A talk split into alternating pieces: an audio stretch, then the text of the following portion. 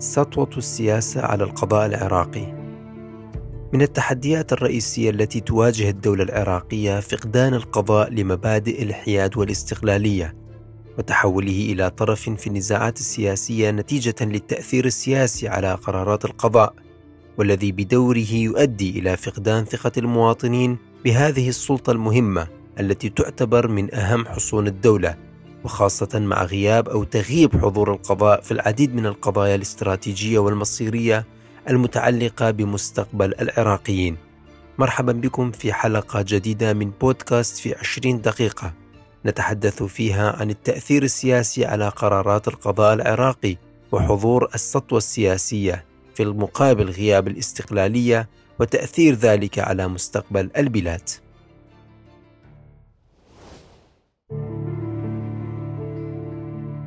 من المعروف أن تحقيق العدل والعدالة هو الهدف الأسمى لكل الشرائع السماوية والحضارات والأفكار السامية، وكما يقال العدل أساس الملك، وحضور العدل يؤدي إلى التفوق والاستمرار والتطور والازدهار، ونقيضه الظلم يؤدي إلى التراجع والتخلف والفوضى والانحدار، كما يقول ابن خلدون فساد القضاء يفضي إلى نهاية الدول، ويقول أيضا الظلم مؤذن بخراب العمران. وهناك الكثير من الشواهد والأدلة التاريخية والحاضرة التي تؤكد ثبات هذا المبدأ وضرورة تحقيق العدل وأهمية حياد العدالة والقضاء لتحقيق هذا الهدف السامي. وبخلاف هذه المبادئ المعروفة فإن القضاء في العراق في اليوم الحالي لم تعد المؤسسة الرصينة القادرة على تحقيق العدل وإعادة الحقوق إلى أهلها ومحاسبة الفاسدين والمتورطين بجرائم الفساد والقتل. بل أصبحت جزءا رئيسيا من المنظومة السياسية الفاسدة التي تبحث عن تحقيق مصالحها وتتعاون مع باقي اقطاب العملية السياسية لتحقيق المصالح الشخصية أو الحزبية على حساب مصلحة المواطنين وضياع العدالة وأصبح القضاء أداة لتصفية الحسابات السياسية وإصدار الأحكام التعسفية بدلا من أن تكون أداة حقيقية لإحقاق العدالة وتنفيذ القانون بصورة متساوية على المواطنين. كما أن هناك الكثير من الشواهد والمواقف التي تؤكد ازدواجية المعايير لدى القضاء العراقي من ضمنها إصدار محكمة عراقية في منطقة الرصافة في بغداد مذكره اعتقال بحق الرئيس الأمريكي السابق دونالد ترامب بتهمة اغتيال القياد الإيراني قاسم سليماني ونائب رئيس هيئة الحشد الشعبي العراقي أبو مهدي المهندس. وجاء القرار بعد إعلان السلطة القضائية الإيرانية قبله بأيام عن تقديم طهران طلبا لمنظمة الجنائية للشرطة الدولية لإصدار إنذار أحمر واعتقال الرئيس الأمريكي دونالد ترامب وبقية المتورطين باغتيال قاسم سليماني. كما أكد الجانب الإيراني أن القرار العراقي جاء بعد متابعات مشتركة مع العراق لتنفيذ هذه المذكرة. ما يعني بوضوح أن القضاء العراقي تحرك لاتخاذ هذه الخطوة لإرضاء الجانب الإيراني والتأكيد على نية العراق متابعة هذا الملف قضائيا دون إدراك أن هذه القرارات تعطي إشارات سلبية على دور القضاء وتكشف تبعيته للنظام السياسي الذي يغض الطرف عن مئات القضايا الإنسانية والأمنية والسياسية بينما يركز على القضايا التي تهتم بها إيران ووكلاءها في العراق. شكلت إصدار هذه المذكرة بحق الرئيس الأمريكي السابق ترامب من قبل القضاء العراقي صدمة لدى الجماهير العراقية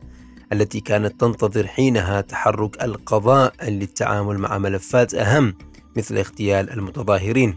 حيث فشل القضاء العراقي خلال الأعوام الماضية من إصدار الأحكام العادلة ومتابعة الملفات المتعلقة بالفساد والاغتيالات ومحاسبة المتهمين وإصدار الأحكام العادلة على المتورطين بالجرائم. وعلى الرغم من مرور أكثر من عامين على أحداث تشرين والتظاهرات التي شهدت أقسى أنواع الانتهاكات ضد حقوق الإنسان ومقتل أكثر من 800 متظاهر وإصابة الآلاف على يد القوات الأمنية والفصائل المسلحة الموالية لإيران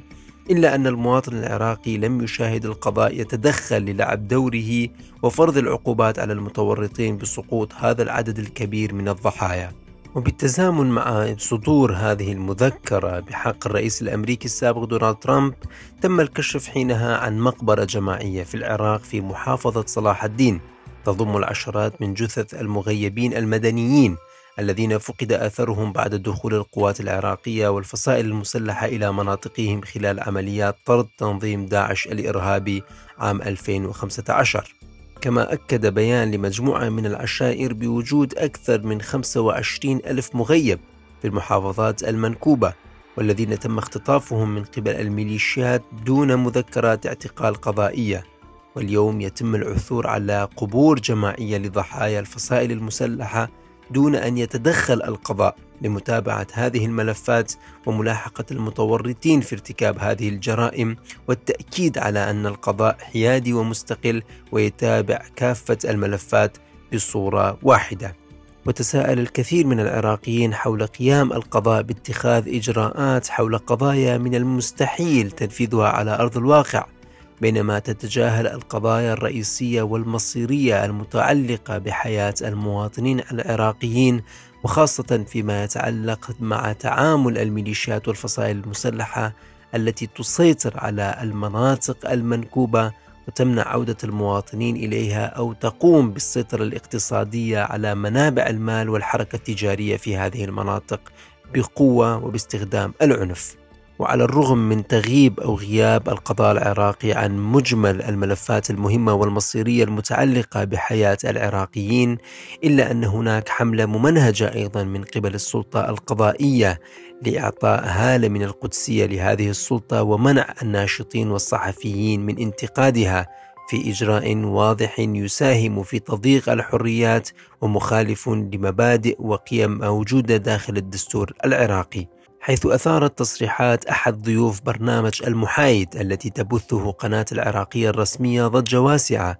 بعدما انتقد الضيف الدور السلبي لقاسم سليماني والمرشد الإيراني خامنئي في الساحة العراقية إضافة إلى انتقاده لرئيس مجلس القضاء الأعلى فائق زيدان والذي تسبب بإغلاق البرنامج ومطالبات بملاحقة الصحفي وعدم السماح بتكرار هكذا مداخلات على القناة الرسمية نتيجة لانتقاد رئيس مجلس القضاء الأعلى. كلمات الصحفي سرمد الطائي لم تكن جديدة بالنسبة للعراقيين، حيث قال إن أي شخص يعترض على دور القضاء حاليا يعتقل، حتى إن الوضع بات أخطر من فترة نوري المالكي وقاسم سليماني، ونحن أمام ظهور ديكتاتورية جديدة ولذلك فإن فائق زيدان في مواجهة التحولات الفكرية للشباب. وأكد الصحفي أن فخامة العراق أكبر من خامنئي كما أن القاتل سليماني ذبحنا في انتفاضة تشرين وفائق زيدان يمارس انقلابا سياسيا وأمنيا. ردود الفعل على هذا الكلام كانت سريعة وفورية من قبل الكثير من الأطراف السياسية القريبة من إيران حيث تم حذف الحلقة بصورة فورية على كافة المواقع التواصل الاجتماعي إضافة إلى إيقاف البرنامج وإصدار مذكرة قبض بحق الصحفي سرمد الطائي. وإصدار بيانات إدانة واستنكار من قبل السياسيين والرئيس مجلس القضاء فائق زيدان والذي اعتبر أن كلام الطائي إهانة للقضاء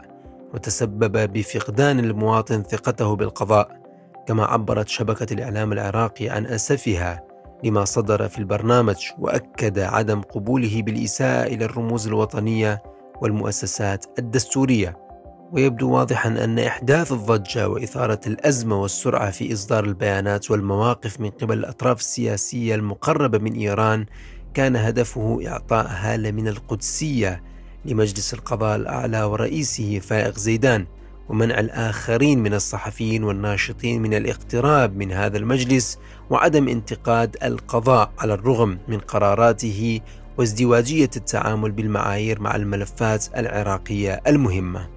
وللمزيد حول هذا الأمر نتحدث مع الباحث السياسي العراقي الدكتور وليد الزبيدي ونسأله أولا حول تقييمه لأداء القضاء العراقي وهل هو قادر على إحقاق العدالة وتنفيذ القانون بصورة جيدة؟ القضاء العراقي بعد 2003 مباشرة تخلى أو أخلوه من التزاماته ومن حقيقته ومن الخيمة القضائية التي لدينا سابقا عليها بعض الملاحظات ولكن ليس بالصورة التي رأيناها. فكان يد آه، ضاربة ورمح آه، سيء للأسف بيد قوات الاحتلال الأمريكية ضد كل من قاوم الاحتلال ومن وقف ضد العملية السياسية والقصص مأساوية وكثيرة جدا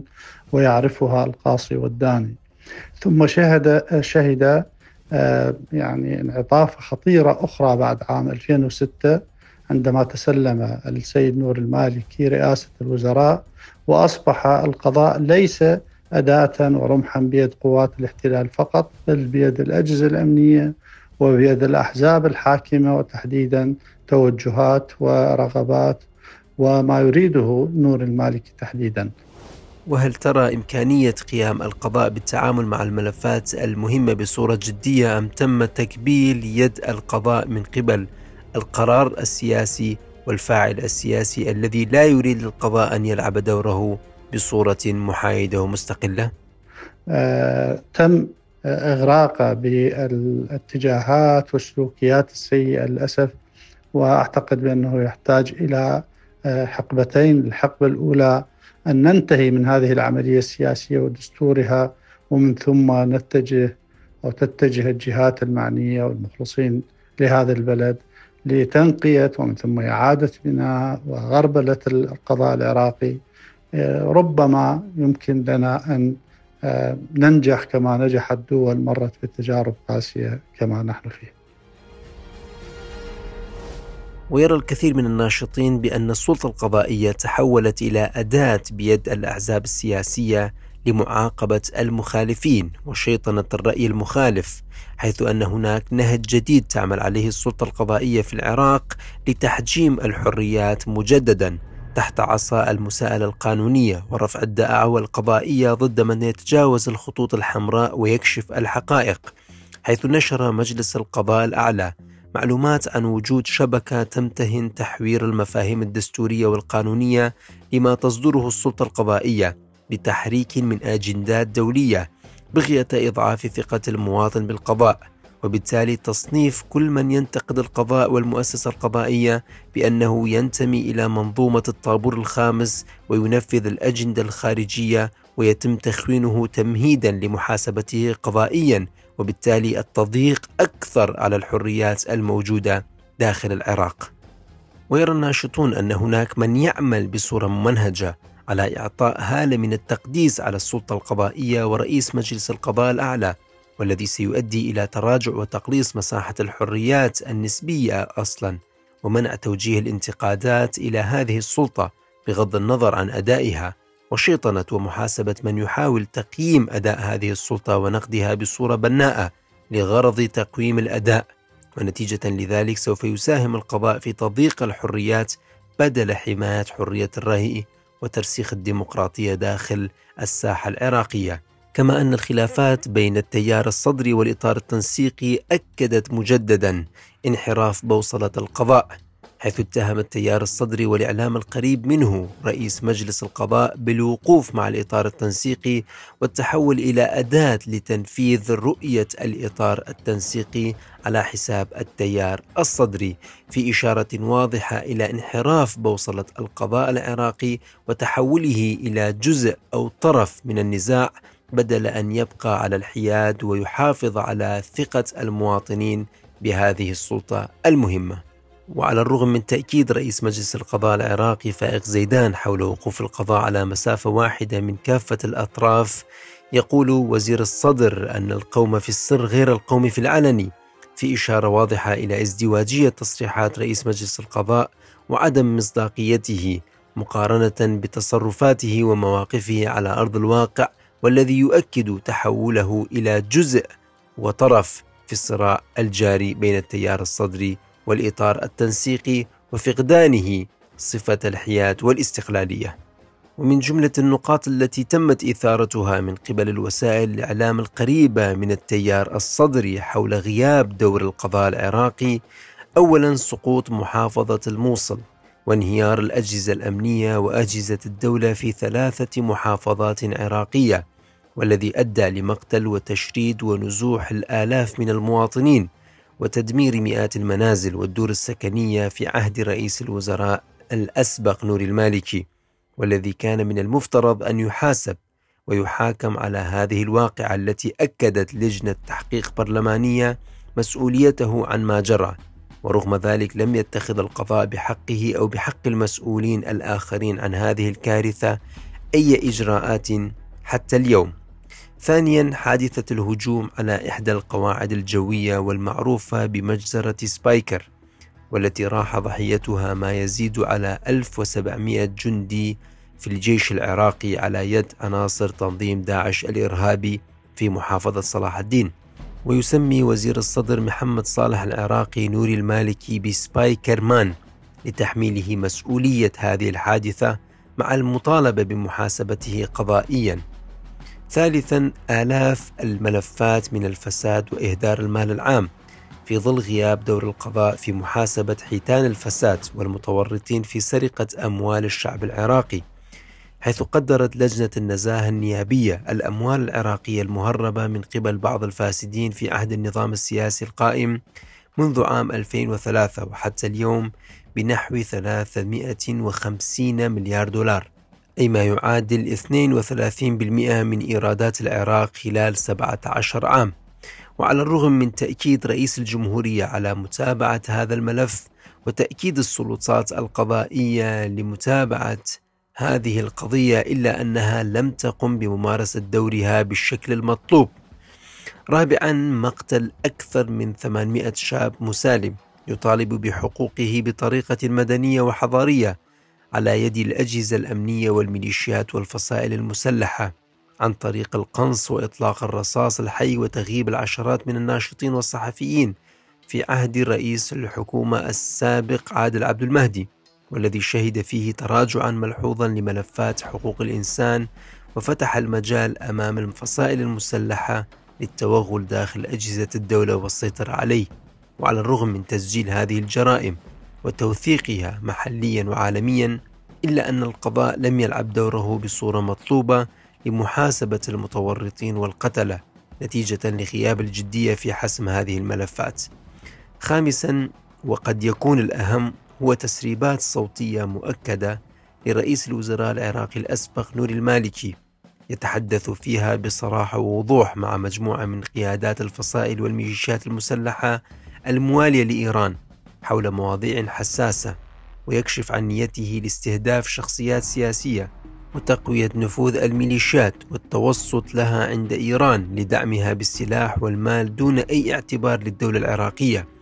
وعلى الرغم من خطورة هذه التسريبات ومخاطر وقوعها على الدولة والمجتمع إلا أن القضاء العراقي لم يتحرك حتى الآن بصورة جدية للتعامل مع هذا الملف تأكيدا لانحراف بوصلة القضاء وعدم تعامله مع الملفات السياسية والأمنية بصورة محايدة. وبخصوص هذه القضية يقول العضو البارز في التيار الصدري عصام حسين في تصريحات صحفية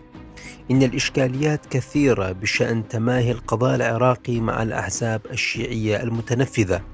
وهذا ما يزعجنا في التيار الصدري.